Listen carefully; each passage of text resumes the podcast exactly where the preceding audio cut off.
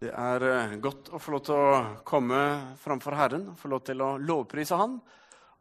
Og få lov til å være ærlig, på en måte sette ord på ting som vi føler, men som vi ofte ja, sliter med å gjøre. Men det å få lov til bare å synge disse sangene eh, med den eh, enkle, sanne overgivelsen som ligger i det, eh, opplever i hvert fall jeg som eh, noe som jeg setter veldig pris på og syns er veldig godt å få lov til å gjøre.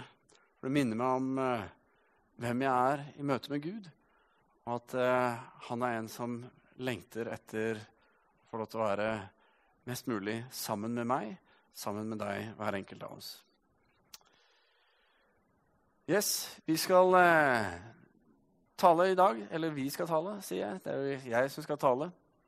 Uh, og Jeg skal tale ut fra teksten i Efeserbrevet kapittel 3, uh, eh, fra vers 14 til med vers 21. Og Der er det en veldig kjent bønn som uh, Paulus ber. Og Mange av dere kjenner sikkert til den. Om ikke du tar den bare på teksthenvisningen, så vil du nok kjenne den igjen når vi begynner å lese den.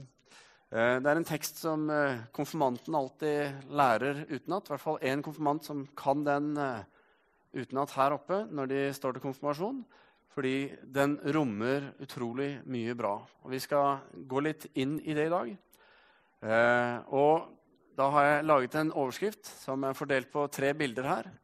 Eh, alle vil ha mer, men Gud han vil gi oss hva da? Jo, han vil gi oss uendelig mye mer. Og med det så skal vi lese teksten i Efeserne 3 fra vers 14 til og med 21. Derfor bøyer jeg mine knær for Far, Han som har gitt navn til alt som kalles Far i himmel og på jord. Må Han, som er så rik på herlighet, gi deres indre menneske kraft og styrke ved sin ånd. Må Kristus ved troen bo i deres hjerter, og dere stå rotfestet og grunnfestet i kjærlighet. Må dere, sammen med alle de hellige, bli i stand til å fatte bredden og lengden, høyden og dybden. Ja, kjenne Kristi kjærlighet som overgår all kunnskap. Må dere bli fylt av hele Guds fylde, Han som virker i oss med sin kraft og kan gjøre uendelig mye mer enn det vi ber om og forstår. Ham være ære i Kirken og i Kristus Jesus gjennom alle slekter og evigheter. Amen. Om vi skulle ta for oss et ord som eh, jeg tror alle har et forhold til, på enten den ene eller den andre måten, eh, så tror jeg det ordet er mer. Jeg tror alle forholder seg til et mer på et eller annet vis i livet. Kanskje handler det om at du ønsker mer innflytelse på jobben. Eller kanskje du trenger mer innflytelse hjemme. Kanskje handler det om eh, at du ønsker mer i forhold til å ha en forståelse av hensikten med livet, eller meningen. Hvorfor er vi her? Du går og lurer på disse tingene og sliter med det. Kanskje eh, ønsker du mer i forhold til økonomi, i forhold til materielle ting. Du ser hva andre har, og du ser hva du kan ha, og så har du lyst på mer av det. Eller kanskje du eh, ønsker mer eh, at folk skal ha mer respekt for deg, eller at du skal få mer kjærlighet, mer oppmerksomhet osv. osv. For det er uendelig mange ting som vi kan ønske mer av. Og så hender det av og til at uh, noen av hver av oss kan kjenne på at skulle, det er noe en skulle hatt litt mindre av. Men uh, også det kan bli et mer. Nå, ikke, nå, vet jeg at Det var ikke mye å skryte av her, men det er litt. For greia er at vi møter daglig eh, andre mennesker eller situasjoner eller ting. Eh, andre versjoner av mer. Og når vi sammenligner disse personene som vi møter, med oss selv og hva vi har, så ender vi opp med en sånn derre åh, skulle ønske jeg hadde mer. Kanskje handler det om å være mer lik han eller mer lik henne. Kanskje det handler om å ha den samme karismaen eller være like frimodig som eller ha eh, like mye penger som eller være like flink leder som, eller hva det nå måtte være. Eller like flink til å spille gitar, ikke sant, som Tor Gunnar. Eller hva det måtte være. Altså, vi kan se andre så kan vi tenke skulle ønske jeg var mer, skulle ønske jeg var mer. Og så ønsker vi mer av forskjellige ting. Og det ender ofte opp med at uh, vi kan bli litt for en sånn uro i livet. Litt avhengig av selvfølgelig hva det handler om. Uh, men vi føler liksom ikke at vi har det vi trenger eller vil ha. Og For noen så er de veldig driftige å klare å omsette denne uroen til en sånn positiv energi, hvor de går fram og så løser de disse utfordringene og tar de rette handlingene, og så ordner de dette. Mens for mange andre Eh, så tror jeg at vi lett blir sittende i en litt sånn nære, vet ikke helt hvordan vi skal gjøre med det, men vi prøver vårt beste hele tiden å finne ut av det. Eh, og Vi kan snakke om mer i to eh, kategorier, eller sikkert flere. Men jeg har prøvd å liksom tegne, lage en figur her. Vær så god, Andreas. Jeg lovte Andreas en figur i dag. Men du har de som ønsker mer, og det tror jeg er de fleste av oss. og så har du de som har fått mer. Ikke sant? Har ønsket seg mer og har fått det.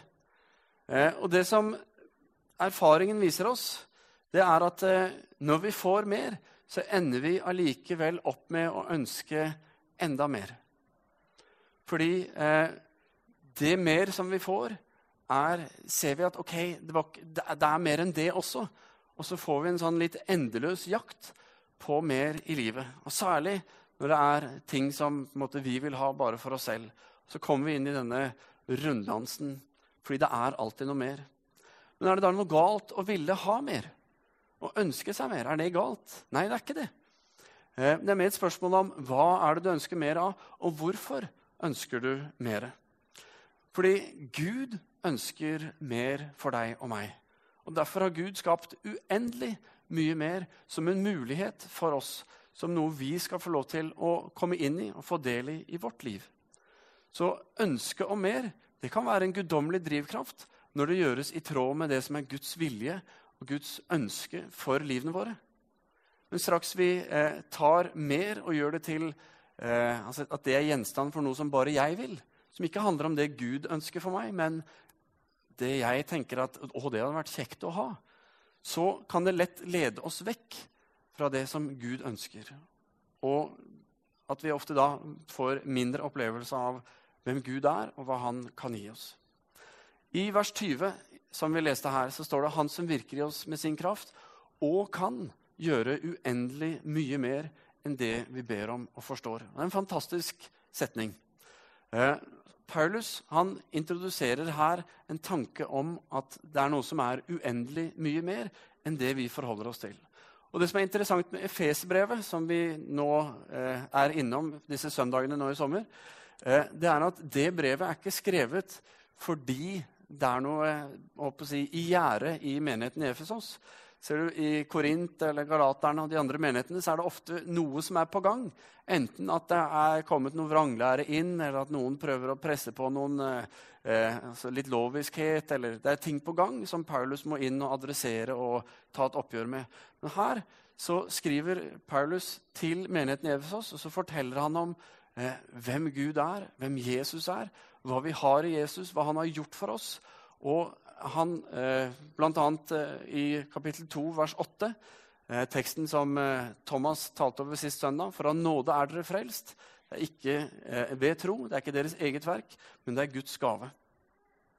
Og Fra det så leder han oss videre inn i tanken på at eh, det er ikke bare det som er gjort for oss, men gjennom det som er gjort, så er det altså uendelig mye mer som ligger foran oss. Og, og dette er mulig fordi Gud kan gjøre det.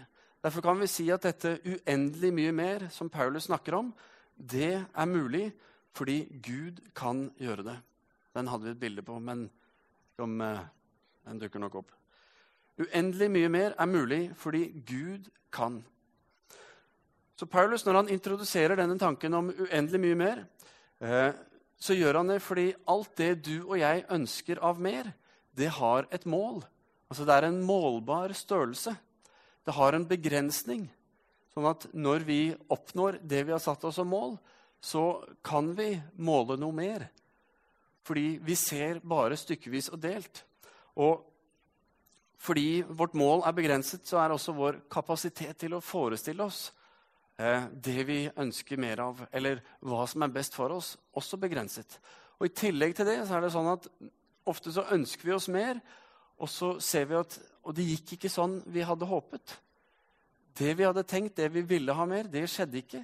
Og så leder erfaringen oss ofte til å trekke konklusjonen at da er ikke det mer mulig. Altså, Det jeg ønsket, det lar seg ikke gjøre. For jeg har prøvd det, og det gikk ikke. Og dermed så begrenses våre muligheter, både fordi vår forestilling er begrenset, men også fordi vår erfaring er begrenset. Og det som er trist, er at her, i akkurat den der, så stopper veldig manges drømmer, veldig manges visjoner, for en brå slutt. Fordi man har hatt noe med seg i hjertet, noe man opplevde at uh, dette er noe Gud ville, noe man har drømt om. Og så har man prøvd å løse det uh, på en måte, og så har man ikke fått det til. Og så har man konkludert med at ok, da er det ikke sånn. Og jeg tror at er det én strategi som er, synes opplagt og klar fra djevelen, så er det å eh, fjerne våre drømmer og stjele drømmene våre. Og få oss til å se og tro at eh, det som kanskje Gud har lagt ned i hjertet vårt, som kanskje er nettopp eh, stedet vi kan begynne for å oppnå at Gud, eller å se det at Gud kommer inn og gjør uendelig mye mer. At Hvis han kan komme inn der og stjele vår tro på at dette er mulig, så har han klart å sette ganske eh, klar begrensning på oss. Men Gud ønsker at vi skal ha mer. Og når vi legger vår vilje, når vi eh, tar vårt behov, som vi nå sang om, ikke sant? og legger alt ned i hans hender og følger han, så sier altså Paulus her at da kan vi få uendelig mye mer. Og på mange måter så tror jeg at dypt inni oss så tror vi at uendelig mye mer er mulig. I hvert fall mer. Men det som er utfordringen, er at vi vet at det er mulig, men vi klarer ikke helt hvordan skal det skje. Det er vanskelig å liksom skal gå inn og bare gjøre dette på den rette måten, sånn at det blir sånn. Det er ikke noe automatikk i det. I hvert fall har min erfaring eh, vært sånn. Og Det er litt frustrerende å vite ok, Gud har masse, men jeg ser ikke alltid dette mer. For jeg ser det skje i andre sitt liv. Har du sammenligningen igjen. ikke sant? Så tenker jeg, Sånn burde jeg også gjort. Og så har jeg prøvd å gjøre de rette tingene. ikke sant? Strevd og styrt. Og sikkert eh, mange av dere også. Kanskje til og med alle. Eh, så har det liksom ikke blitt det vi trodde eller håpet på. Men Paulus han gir oss en indikasjon på nettopp hvordan i første delen av dette vers 20. For det handler om Han som virker i oss med sin kraft. Paulus snakker om Han som kan gjøre uendelig mye mer. Ikke du som kan det. Ikke jeg som kan det. Ikke styret i menigheten eller eh, oss, menigheten kollektivt, fordi vi kan det. Men bare enkelt og greit fordi Gud kan det. Og det handler om at han skal virke i oss. Han ønsker å virke i oss. Han ønsker å virke gjennom oss. Og her ligger nøkkelen. Det høres kanskje eh, for banalt og enkelt ut, men vi skal se litt nærmere på det. For vi kan si det at uendelig mye mer, det er mulig for oss, men ikke før det skjer i oss. Så vi kan ønske det, alt dette fordi vi ser det, men det må begynne i oss først. Det må vokse fram fra vårt indre. For Ofte så tenker vi på kraft og Guds kraft som noe utenfor oss, noe som kommer utenifra. At når vi ber, så kommer Gud ned. Ikke sant? Utenfor oss, og så gjør han disse tingene. Eller når ting skjer, så er det noe som alltid skjer utenfor oss. Og det er for så vidt riktig når det gjelder kraft i de fleste ting. ikke sant? Når du skrur på lysbryteren, så er det en kraft som kommer utenfra. ikke sant? Når de styrer og steller i regjering og storting, og alt det der, så er jo det en makt og en kraft som skjer utenfor oss. Eh, men Paulus antyder noe mer.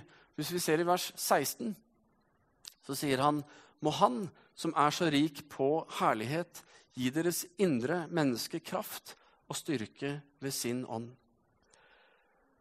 Og det Han sier at Guds kraft er ikke først og fremst noe sånn ytre, fysisk eller åndelig som kommer utenfor oss og griper inn og gjør noe. Men eh, Guds kraft er noe som han gir oss ved sin ånd. Og vi lærer og vi tror at når vi sier ja til Jesus, når vi sier 'Jesus, jeg tror på deg. Jeg tror at du døde og sto opp igjen for meg.' ja, da flytter eh, Gud inn i livene våre ved sin ånd. Han tar bolig i oss ved sin ånd. Og gjennom den ånd så ønsker han å styrke oss og gi oss kraft. Han ønsker å eh, la Guds liv få del i oss. At det er en kraft som skal være i virksomhet i oss, og dermed fungere også gjennom oss. Det er lett å bli opptatt av de ytre tingene, men langt viktigere er det som skjer inni deg og meg. Fordi det er her inne vi forvandles, ikke her ute. Og Videre i vers 17 så skriver han må Kristus ved troen bo i deres hjerter, og dere stå rotfestet og grunnfestet i kjærlighet. Nettopp fordi Kristus han er det klareste uttrykk for Guds kjærlighet, slik den er presentert for oss i historien. Og det er ved tro mer enn noe annet at vi forholder oss til Kristus. Så når det er snakk om hvordan, så handler det om å velge i tro til Gud. I tro til det han har gjort i sin kjærlighet til oss. Og det er denne kjærligheten som Paulus snakker om skal være fundamentet, altså grunnen, hvor vi er grunnfestet. Hvor vi skal ta vårt liv, vår rot, og feste den i den grunnen. Fordi det handler om den kjærligheten det han har gjort for oss. Fordi det er det, og bare det, ved Hans nåde, som eh, gjør at vi kan få lov til å leve i det hele tatt i nærheten av Gud, i det hele tatt få lov til å forholde oss til han og leve sammen med han. Og når denne kjærligheten får lov til å komme inn i våre liv gjennom roten av hvem vi er, fordi det er der vi har sagt 'Her vil jeg være'. Jeg setter mine røtter her hos deg, Gud, ikke i alt det andre rundt. Ja, da får vi erfare denne kraften, denne styrken som vokser i oss. Og vi får eh, erfare mer av Kristi kjærlighet. Og videre i vers 18 og første halvdel av 19 så står det må dere sammen med alle de hellige bli i stand til å fatte bredden og lengden, høyden og dybden. Ja, kjenne Kristi kjærlighet som overgår all kunnskap. Så sammen med alle de hellige Det handler jo om at det, det er ikke bare eh, meg som pastor som skal få erfare dette, eller noen enkelt av oss. Men det er noe vi skal få lov til å stå sammen i og erfare som fellesskap, som menighet. Det er noe som er for alle som tror. Og målet som Paulus har her, han vil jo at vi skal fatte det. Ikke bare litt av det, men eh, høyden og dybden og bredden og lengden og det hele. Eh, og det sier noe om hva du og jeg inviteres inn i når eh, vi inviteres til å komme og følge Jesus. Det livet som Gud ønsker at vi skal få del i. Og vi kan jo bare anta at Paulus han ber denne bønnen eh, fordi han selv har fått del i det, og han kjenner til hva dette betyr i eget liv. Og så ber han fordi han ønsker at dette er noe som menigheten i Efesos og menigheten i Stavanger og menigheter verden over skal få del i. Og Det står helt i begynnelsen at 'derfor bøyer jeg mine knær'. Altså Derfor går jeg ned her. Og for oss i Norge så er liksom dette et ganske normalt bilde i forhold til bønn. Ofte sånn vi ser for, ser for oss at bønn er. Det er på kne. Men på Jesu tid, eller Paulus sin tid, og i Efesos og i Jerusalem, så sto man alltid når man ba. Man var ikke på kne. En som var på kne, og en som tigget. Og jeg tror Paulus tigger. Han, bare, tigger. han sier bare Gud, dette er så viktig. Du må bare gjøre det. Han nøder på en måte Gud og sier, kom igjen, gjør dette. La oss få lov til å fatte og få del i dette. Og At Paulus hadde dette, det forklarer noe av den pågangsmoten og viljen som han viser. Hvis du leser apostlenes gjerninger og ser alt det Paulus levde i og opplevde og var igjennom, så skjønner du at her er det en drivkraft utenom det vanlige. Og han kjente Kristi kjærlighet, og han tror jeg opplevde nettopp det, at den overgikk all den kunnskapen han hadde. Og han var en lærd og vis mann, og han vil at vi skal få del i dette. Og vet du hva? Dette her er store saker. Dette er jo uendelig mye mer uendelig mye større enn det vi klarer liksom bare å forstå ved å høre på denne talen i dag. Og Derfor er dette noe som virkelig vi trenger å gå i dybden på. Og jeg tror de fleste av oss lengter etter å fatte å fatte det hele. Og jeg tror det skjer gjennom hva Kristi kjærlighet får lov til å gjøre i livene våre. Jeg tror ikke det bare handler om her oppe hva hodet sier i møte med teksten, i møte med bøker vi leser osv. Men jeg tror det handler eh, enda mer om dette fundamentet, hvor Gud får komme inn og få lov til å begynne sitt liv i oss fra innsiden av. Og jeg tror Skal vi fatte det fullt ut, så må vi gi alt for å fordele det. Jeg gir alt til deg. Alle mine tårer, alle mine sår, alt det jeg har. Alle mine feil, alle mine mangler, all min styrke, all min svakhet. Bare overgi livet sitt til Han. For det er det som leder oss inn i den nåden og den kjærligheten som han har. Når vi holder igjen, når vi bare går begrenset, så begrenser vi også hans mulighet til å påvirke oss. Og I vers, siste del av vers 19 så sier han må dere bli fylt av litt av Guds fylde? Nei, må dere bli fylt av hele Guds fylde. Gud ønsker å leve sammen med deg. Han ønsker å leve sammen med meg.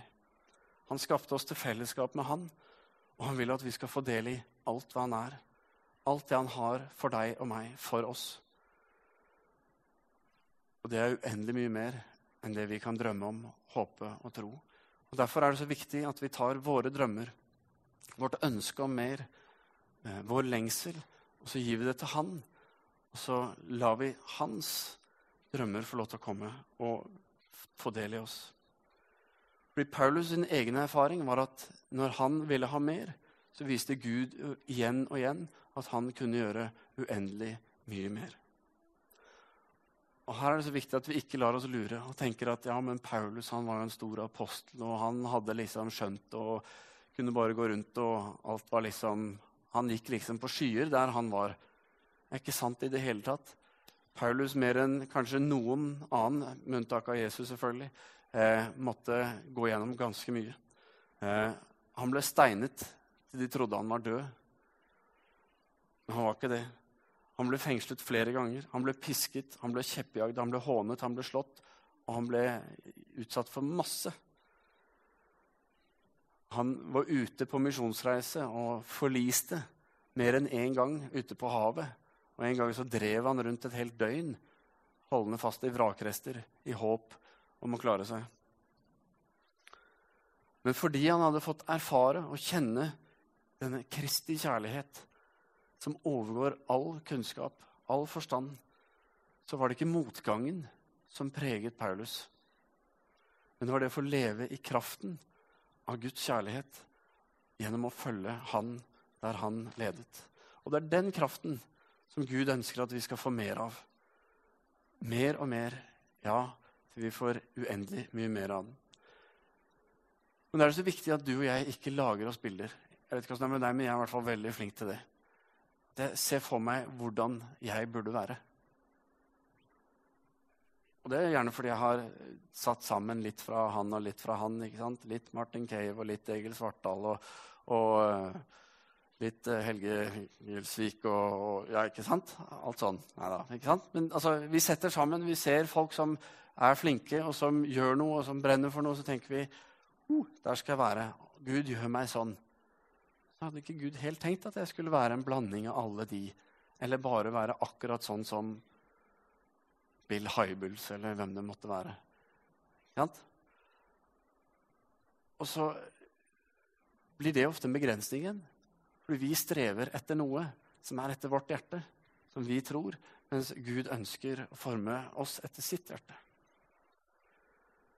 Så det å gi alt handler om å gi også ambisjonene, også dette som vi tror ville være det største og beste.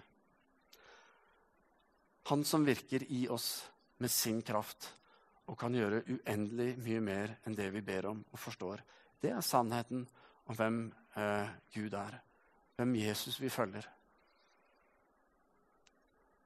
Og jeg tror at det sterkeste jeg Neste bilde. Det sterkeste jeg det virkeliggjøres gjennom Guds kjærlighet i deg. Ditt sterkeste jeg, det virkeliggjøres gjennom Guds kjærlighet i virksomhet i deg. For jeg tror at når den sterkeste kraften i hele universet, som er kjærlighet Når den, eller når du og jeg utsettes for den kraften, fra den største av alle i hele universet.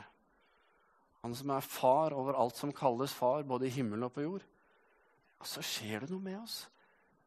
Fordi det er livsforvandlende. Og hvis ikke det er livsforvandlende, hva kan da være livsforvandlende? Når det største av alt, både i kraft og i eksistens, kommer til deg og meg og spør kan jeg få lov til å leve sammen med deg, gjennom deg, i deg, la deg få erfare dette som jeg har for deg. Vår utfordring nummer én Helt avslutning. Vår utfordring nummer én er at vi tror ikke at vi fortjener Guds kjærlighet. Vi liker tanken. Vi syns det er veldig flott. Vi elsker å høre taler om Guds kjærlighet, fordi det er veldig fint. Men innerst inne så tror vi ikke at vi fortjener det. For vi kjenner våre egne tanker. Vi kjenner våre handlinger. Og vi fordømmer oss selv veldig lett. Og vi vet at om vi skulle nå få denne kjærligheten, så ville vi helt sikkert bare rote det til allikevel. Se på Peter. Peter var jo en kjempetypisk sånn person som eh, var høyt oppe den ene dagen og langt ned den andre dagen. Men det viktigste Peter hadde, det var viljen til å gå på videre. Til å ikke gi opp. Det handler om hva Jesus har gjort. Det handler ikke om hva du og jeg får til, men hva han har fått til, og hva han inviterer oss inn i. Det handler om hans kjærlighet. Og jo mer vi får av den, jo mer får vi av han. Og jeg tror den andre utfordringen er at eh, for mange av oss så vil vi egentlig ikke. Vi klarer ikke helt å forsone oss med den tanken på at Gud vet bedre enn vi vet. Vi eh, tenker på at det er en del ting vi kommer til å gå glipp av. Ting som vi kunne tenkt oss, men som på en måte ikke hører hjemme hos Gud. Men poenget er at Gud vil så uendelig mye mer enn disse små, begrensede tingene som vi drømmer om. Men greia er her er vi. Der er du, her er jeg. Og vi er der vi er akkurat nå. Og ikke noe jeg sier skal, eller andre har sagt, skal tvinge deg til å bli noe som du ikke er. Bare Gud kan komme inn og skape noe nytt i deg. Bare Han kan forvandle ditt liv. Og jeg tror vi må velge det og handle i tro på det. Så vi må bare akseptere at dette har Gud gjort for oss. Dette er sant. Selv om jeg ikke forstår det, så velger jeg å gå for det. Fordi jeg vil dit som Gud sier at han vil lede meg. Og det er sånn at Hvis vi vil noe sted, så må vi gjøre noe for å komme dit. Hvis ikke du har vært på ferie og skal et sted, så må du gjøre noe for å komme dit. Enten det er å kjøpe billetter til flyet eller toget eller bussen eller hva det er. Eller det er å fylle opp tanken på bilen, eller det er å pakke sekken, eller hva det måtte være. Vi trenger å gjøre noe for å komme fra her vi er nå, til der vi ønsker å være. Og hvis vi kan ta der vi ønsker å være, og gi det Gud sender, så han kan få lov til å lede oss fram, da kan han være Gud der hvor vi er. Da kan han få lov til å gå sammen med oss på vår vei, på vår vandring. Så skal vi få ikke bare mer, jeg tror Gud vil vise oss uendelig mye mer. Se på Paulus. Jeg lover ikke noen gull og grønne skoger her, altså. Mange utfordringer, mange prøvelser, men Gud er større. Og han har uendelig mye mer. Vers 21. Han være ære i Kirken og i Kristus gjennom alle slekter og alle evigheter, skal vi be. Kjære himmelske Far, takk, Herre, for at uh, du ønsker, Herre, å ikke bare fortelle om at du elsker oss, Eh, ikke bare la oss sånn mentalt få lov til å ta imot tanken på at eh, du har gått i døden for oss og stått opp igjen, men du ønsker at den kjærligheten som drev deg til det, og som reiste Kristus opp fra graven, som, har, som er bare den største kraften i hele universet, du ønsker at den skal bli vår. At vi skal bli fylt av hele din fylde at vi skal få lov til å virkelig i vårt indre og gjennom vårt liv få lov til å erfare dette. Ikke som noe ytre, men noe som får lov til å vokse fram med oss. Ikke som noe vi kan prestere og tvinge fram.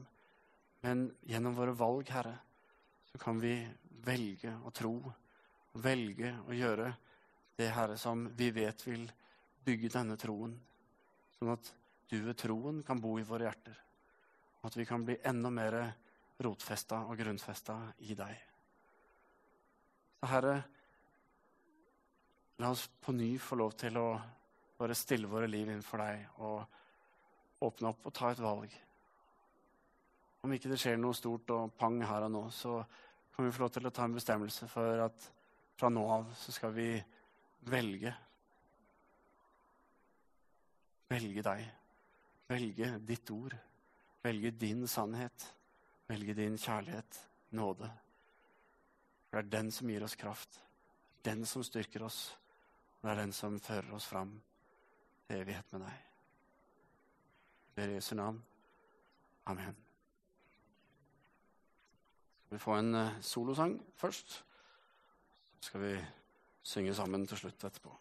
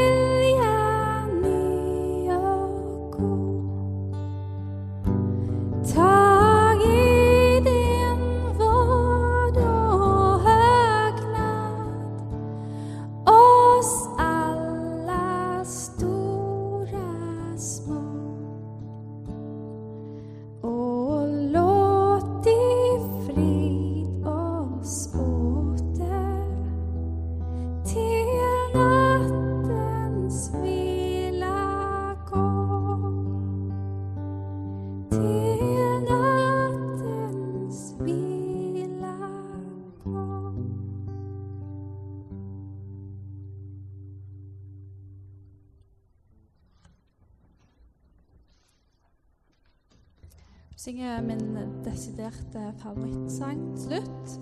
Jeg liker så godt teksten på denne sangen. Og det er Bjørn Eidsvåg som har skrevet den. Og jeg bare syns det sier så utrolig mye om Jesus. Pappa i himmelen. Åh.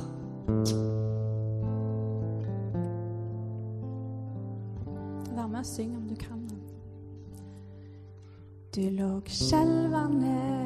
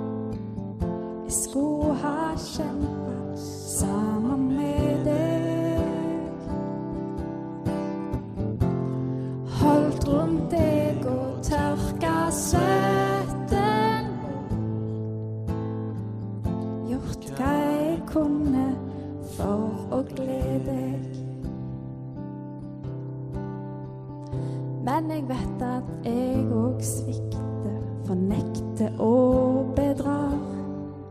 Jeg gjør ikke det jeg vet jeg plikter, jeg hjerteløs og hard.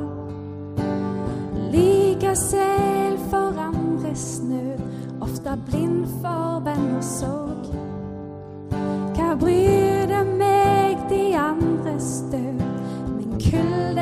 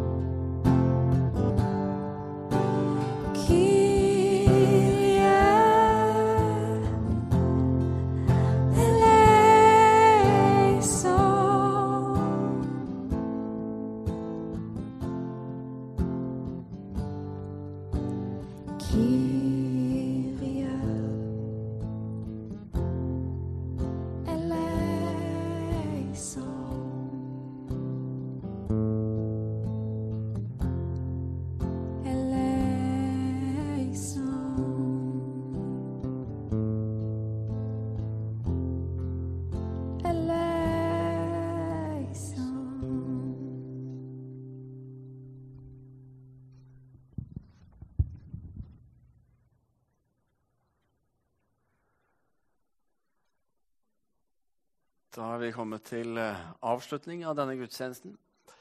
Jeg håper eh, du har fått med deg noe. Jeg håper eh, at vi har kunnet være både ekte og ærlige om livet, for det er ikke bare enkelt. Men vi har en Gud som går med oss, og det han ønsker å gi, det unner jeg meg selv å få mer av, og deg, deg likeså. Og det er min bønn. Det er vår bønn her i stab og styre og i eldste. og be om at vi som menighet skal få enda mer del i dette. Så lever vi i denne utfordringen mellom det som er eh, hverdagen ofte. Og hverdagen den har ofte nok med sin egen plage, men inn der kommer Gud med alt hva han er. Ønsker han å gi oss et nytt perspektiv, gi oss en ny opplevelse skal vi reise oss, og så tar vi imot Herrens velsignelse.